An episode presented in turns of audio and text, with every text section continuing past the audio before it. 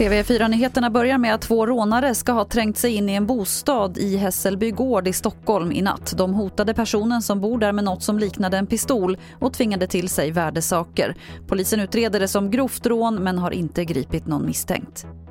Coronapandemin slår hårt mot landets idrottsföreningar och Riksidrottsförbundets ordförande Björn Eriksson skriver på DN Debatt idag att man vill att regeringen skjuter till flera miljarder i stöd. Annars finns risk att de sociala klyftorna ökar, menar han.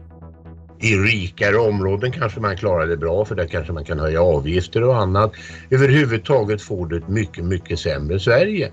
Och det är inte särskilt konstigt att om du har det här smittoläget så drabbar det idrotten väldigt mycket och vi kan vara en positiv motkraft.